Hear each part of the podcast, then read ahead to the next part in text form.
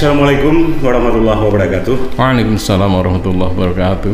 Alhamdulillah bertemu kita dalam edisi perdana Nasir Nurdin Channel pada Mantap. kanal YouTube Dia Cepos TV. Hmm. Ya, rekan Dia Cepos, Alhamdulillah sore ini tanggal 27 September 2021 suatu kehormatan yang luar biasa bagi keluarga besar. PT Media Aceh Pos kedatangan tamu terhormat dari Dewan Pers. Dalam hal ini ada Pak Ahmad Johar. Saya memanggil Bang Johar aja lah biar lebih lebih cair ya. Beliau Ketua Komisi Penelitian Pendataan dan Ratifikasi Pers Dewan Pers. Hari ini beliau datang ke Aceh dan alhamdulillah sekali kesempatan pertama beliau menuju ke markas kita di Aceh Pos eh, di eh, kawasan eh, Kelurahan Gampong Atik, Kecamatan Baitur Rahman, Banda Aceh. Terima kasih Bang Johar sudah sampai ke Banda Aceh. Selamat datang di Banda Aceh. Selamat datang lebih khusus lagi ke media di Aceh Pos. Doakan kami semoga apa yang sedang dilakukan dalam proses ini yaitu Bang Johar bersama Bu Rita di sini ada tim beliau memverifikasi eh, perusahaan kita mudah-mudahan eh, bisa eh, bisa bisa mendapatkan yang terbaik lah ya untuk penguatan Amin. pers ke depan. Bang, eh, ini alhamdulillah sekali kami mendapat kehormatan ini yang perdana sekali program NNC ini Nasiruddin eh, Channel pada kanal YouTube Dia Pos eh, kedatangan tamu istimewa ini. Bisa abang bayangkan, a- abang gambarkan sekilas bagaimana eh, sudah perkembangan pers kita di tanah air ini, bang, khususnya pada media online eh, kita bicara. Silakan bang. Oke, terima kasih Bang Nasir Nurdin dan eh, pada kesempatan ini saya juga ingin menyampaikan selamat atas lahirnya kanal NNC eh, Nasir Nurdin Channel. Bukan nendang-nendang atau nantang-nantang channel ya. Ya, ya, karena na- kalau nantang-nantang channel nanti dikira eh, cuman iseng aja. Ya, ini di eh, saya berharap nanti menjadi kanal yang serius yang dapat mencerahkan dan mencerdaskan masyarakat di kawasan Aceh ini khususnya dan masyarakat secara luas pada umumnya. Jadi apa yang Nah, kami lakukan di Dewan Pers terutama adalah eh, program unggulannya sesuai amanat yang kami emban sesuai eh, pasal 15 Undang-Undang Pers adalah antara lain melakukan eh, pendataan perusahaan pers. Ini amanat undang-undang. Pendataan pers ini di, kemudian diterjemahkan oleh masyarakat pers nasional bahwa pers nasional harus untuk mencapai profesionalitasnya itu dua aspek utama. Ini ditetapkan di eh, Hari Pers Nasional 2010 di Palembang. Keputusannya adalah bahwa perusahaan pers harus eh, sesuai dengan standar perusahaan pers eh, yang di kemudian diformulasikan oleh masyarakat pers nasional itu melalui Dewan Pers.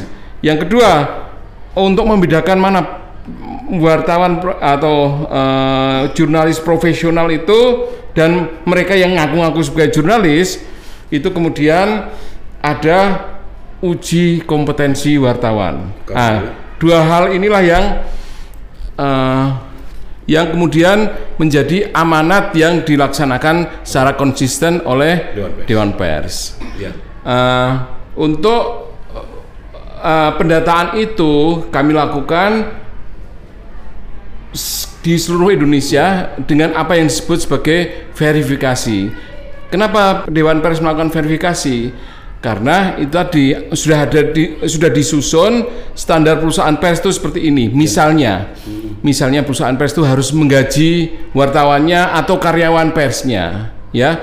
Tidak bisa perusahaan pers kemudian dengan modal dengkul hanya dua tiga orang, "Oh, yuk kita bikin perusahaan pers, kemudian eh, tidak menggaji wartawannya, wartawannya atau karyawan persnya itu malah disuruh eh, cari sponsor sana sini, cari iklan sana sini untuk distorkan ke perusahaan Ya. pers itu. Itu tidak benar. Jadi kalau mau bikin perusahaan pers ya dia harus mengeluarkan modal terlebih dulu. Ya. Ya, kemudian menggaji mereka biar mereka profesional. Ya.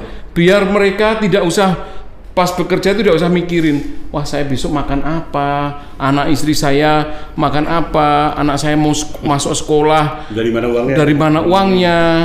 Nah, kalau sampai mereka tidak digaji, tidak memperoleh gaji yang se- sesuai dengan minimal kebutuhan fisik mereka, itu mereka nanti akan di eh, dapat disantuni dalam dalam tanda petik ya, disantuni oleh misalnya narasumber mana begitu. Jadi mereka konsentrasi kerjanya akan buyar dan konflik-konflik kepentingan akan masuk ke sana. Itulah yang dihindari. Nah, kemudian eh, misalnya perusahaan itu juga harus konsisten membayar pajak. Kemudian dia juga harus menegakkan aturan-aturan berdasarkan peraturan ketenaga kerjaan. Kemudian mereka harus juga memperhatikan eh, faktor jam kerja untuk karyawannya seperti apa dan sebagainya dan sebagainya. Pokoknya semua hal yang sudah diatur sedemikian rupa itu oleh Dewan Pers kemudian Di- eh, dewan diadopsi menjadi berbagai ketentuan yang disebut standar perusahaan pers. Setelah Dewan Pers bekerja dalam rentang waktu beberapa tahun terakhir ini, yang begitu ketat mengawasi baik dalam verifikasi perusahaan pers maupun sertifikasi ya, verifikasi perusahaan pers maupun sertifikasi wartawan. Udah apa sudah terlihat hasilnya dinamika kehidupan pers kita sehari-hari? Apa Ya. cenderung semakin sehat atau stagnan dia? Eh, begini, eh, di Indonesia ini kita tidak tahu seberapa jumlah persisnya media, terutama media online, karena kita habis bicara gini ini pasti lahir Satu media satu atau lebih beberapa media online. ya perusahaan media online. Hanya Allah yang tahu jumlah persisnya berapa. Iya. Nah, tapi karena itu tadi eh, setelah reformasi itu menjadikan orang-orang tuh eh, kayak terdorong untuk bikin media dan orang-orang yang tadinya tidak punya kompetensi untuk menjadi wartawan Tiba-tiba merasa bisa menjadi wartawan. wartawan. Hmm, hmm. Nah, itu itulah ya kemudian jumlah media tuh meledak Iya. di Indonesia ini Pasca jumlahnya ya. ya. Hmm. Ya, pasca reformasi. Nah, seperti ini uh, kan tidak tidak mungkin uh, pemerintah yang ngatur karena kita sudah setelah reformasi itu dengan adanya undang-undang pers itu itu menjadikan pers itu sebagai uh, institusi atau lembaga yang uh, uh, mengatur dirinya sendiri Iya, iya. ya mengatur dirinya sendiri tidak usah diatur-atur oleh pihak mana pun. Iya. Nah, dengan mengatur diri sendiri seperti ini itu akan lebih sehat, akan lebih baik. Termasuk ini ketentuan tentang uh, perusahaan uh, verifik- ve- apa, verifikasi perusahaan, perusahaan pers dan kemudian UKW uji kompetensi wartawan atau jurnalis itu. Itu untuk mengupayakan agar perusahaan pers itu lebih sehat. Kemudian wartawan yang bekerja lebih profesional begitu. Harapannya seperti itu. Bahwa kemudian eh, dianggap itu belum ideal ya memang itu sebuah proses yang Sedang berproses bang ya? ya sebuah proses yang tidak singkat saya kira ya Eh, Iya. Eh, ke depan mungkin harapan abang ini mungkin terhadap eh, para pekerja pers atau perusahaan persnya sendiri. Apa yang paling penting diupayakan oleh perusahaan pers agar menciptakan pers yang betul-betul sehat, bang. Ya. Itu mungkin penekanannya di sini. Dan secara lebih khusus lagi, mungkin abang selama ini pasti selalu memantau. Kami bicara soal Aceh, bang ya. Di Aceh sendiri dari kacamata Dewan Pers bagaimana pertumbuhan eh, dan Oke. dan kualitas pers. Kalau tadi saya, saya kita bicara lebih lebih umum gitu Lebih ya, umum, lebih luas ya. lebih luas. Ya harapannya tentu saja ingin agar perusahaan pers itu mampu menjadi institusi atau lembaga yang sehat secara bisnis. Itu yang selalu didorong oleh Dewan Pers. Ya. Dengan demikian mereka mampu memberikan kesejahteraan yang baik pada karyawannya. untuk karyawannya, baik karyawan yang pers maupun karyawan non pers. ya. Karyawan pers itu yang disebut wartawan tadi, yang non pers biasanya dari Administrasi, hmm. administrasi, marketing dan sebagainya itu. Kalau perusahaan pers itu sehat, mereka akan mampu mengcreate atau menciptakan in- uh, menyalurkan informasi yang sehat, mampu men- mengedukasi masyarakat, mampu menghibur masyarakat dan membuat menjadikan lembaga itu sebagai lembaga yang mampu melakukan kontrol sosial Kontrol sosial dengan baik ya. mengkritisi kebijakan pemerintah dan sebagainya. Iya, iya. Nah, harapannya tentu saja wartawannya j- jadi profesional dan sebagainya. Nah, khusus untuk Aceh ini eh, beberapa di antaranya kan sudah diverifikasi Iya.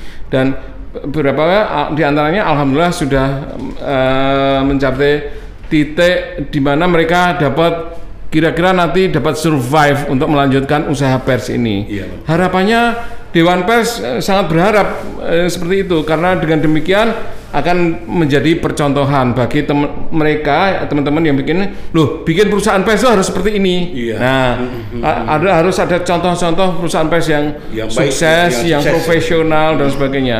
Biar mereka tidak atau yang belum ini biar eh, belum membikin itu atau merencanakan mau membikin itu biar mereka juga berpikir oh perusahaan pers itu seperti ini toh Hmm, nggak asal-asalan. ya. nggak asal-asalan nggak modal dengkul Betul, istilahnya betul, betul. harus profesional dan sebagainya Bang, eh, satu lagi mungkin sebelum saya lupa. Tadi ketika kita bincang-bincang di eh, pada tahap-tahap awal kita berbincang sebelum on air ini tadi, Abang pernah mengingatkan bahwa media sosial itu adalah bagian dari tanggung jawab perusahaan pers itu sendiri. Bagaimana kita mengartikan Oh, itu, Bang? gini maksud saya bahwa media sosial itu eh, harus diakui itu sekarang masyarakat tidak bisa tidak pasti eh, terlibat di media sosial entah itu dalam bentuk komunikasi pribadi entah itu dalam grup dan atau eh, bentuk-bentuk media sosial yang praktis Interaksi ya. interaktif dan sebagainya itu. Nah, bahwa media, media lembaga media itu kan ketika menghasilkan produk informasi, Iya. itu kalau hanya melalui disalurkan melalui medianya, tentu Sulit, sulit bang. bukan sulit, magnitudenya itu kecil. Tidak tidak bergerak dia. Nah, magnitud magnitudenya kecil. Untuk itu perlu amplifikasi melalui media sosial itu. Nah, sepanjang media eh, med- lembaga media itu mampu menjelaskan kepada masyarakat atau membuat eh, mendeklar, menjelaskan, ya mendeklar itu mengumumkan pada masyarakat bahwa eh, kami misalnya di Aceh Post ini Ya, punya? Hmm. kanal di media sosial YouTube seperti misalnya. YouTube, Ya, kemudian Instagram, Twitter, TikTok dan sebagainya Iya. itu itu harus dinyatakan. kepada Nah, kalau dia sudah membuat pernyataan seperti itu, otomatis eh, kanal resmi tadi itu di bawah eh, Tanggung jawab. di bawah tanggung jawab redaksi. Iya. Ya, proses kerjanya dia terawasi dan sebagainya, termoderi termoderasi dengan baik, tidak liar. Iya. Nah, itu menjadi bagian dari media itu, media Iya. tersebut. Dan ini masuk jurisdiksi Undang-Undang Pers. Iya. Sehingga tidak lagi dapat dibawa ke ranah IT eh? Undang-Undang ITE. Iya, betul. Nah, iya. begitu. Artinya jadi itu sudah jadi ada proses proses kerja yang eh, dapat dipertanggungjawabkan. Media sosial kan kalau secara umum kan liar. Iya. Apa semua orang boleh. Boleh menyalurkan informasi apa pun tanpa harus merasa bertanggung jawab. Iya. Nah, ini eh, sama apa sama masyarakat masyarakat pers nasional ini dibawa ke ranah jurnalisme, Iya. kepanjangan tangan dari media itu sehingga dia kemudian memperoleh eh, atau masuk dalam jurisdiksi undang-undang pers. Undang-undang pers. Gitu. Oke, yang terakhir mungkin apa yang paling perlu diwaspadai oleh pengelola media online khususnya bang untuk menghindari terjadi gesekan ataupun kesalahan-kesalahan yang bisa berakibat hukum. Bang? Saya kira yang paling utama adalah bahwa lembaga media tidak eh, mengambil konten sana sini, comot sana, comot sini, atau istilah eh, kasarnya Spanyol. Spanyol, separuh nyolong. Tapi mohon maaf kepada pemerintah Spanyol, bukan maksudnya untuk melecehkan itu, tapi eh, ini jamak terjadi karena mereka beberapa media yang hanya dikelola dua tiga orang, kemudian konten beritanya atau konten eh, informasi itu banyak sekali. Dari mana mereka dapat? Karena mereka dapat comot sana, comot Comot sini, ubah leadnya, ubah judulnya, Jadi produk. Padahal mereka nggak nggak ada tenaga untuk liputan sama sekali. Nah ini yang pekerjaan yang tidak terpuji. Ini eh, bentuk plagiasi yang harus di eh, tidak di, tidak eh, dihindari atau tidak dilakukan oleh Iya. lembaga Pers. eh, pers yang menyebut dirinya pers yang mengusung jurnalisme. Iya. Jurnalisme itu dasarnya adalah kejujuran, Ya. transparansi dan jelas apa pun proses kerja maupun bagaimana mendapatkan informasi, informasi. dan memverifikasinya. Itu yang paling penting saya kira. Ya, oke. Berarti harus dijaga betul itu Bang ya. Ya. Baik, terima kasih Bang atas bincang-bincang kita eh, di edisi perdana Nasir Nordin eh, channel ini pada Sama-sama, kanal, Bang kanal Nasir Nordin. eh, Pos. Eh, mudah-mudahan kami bisa melaksanakan apa yang Abang beri pencerahan itu. Oke. Terima kasih. Wassalamualaikum warahmatullahi wabarakatuh. Waalaikumsalam warahmatullahi wabarakatuh.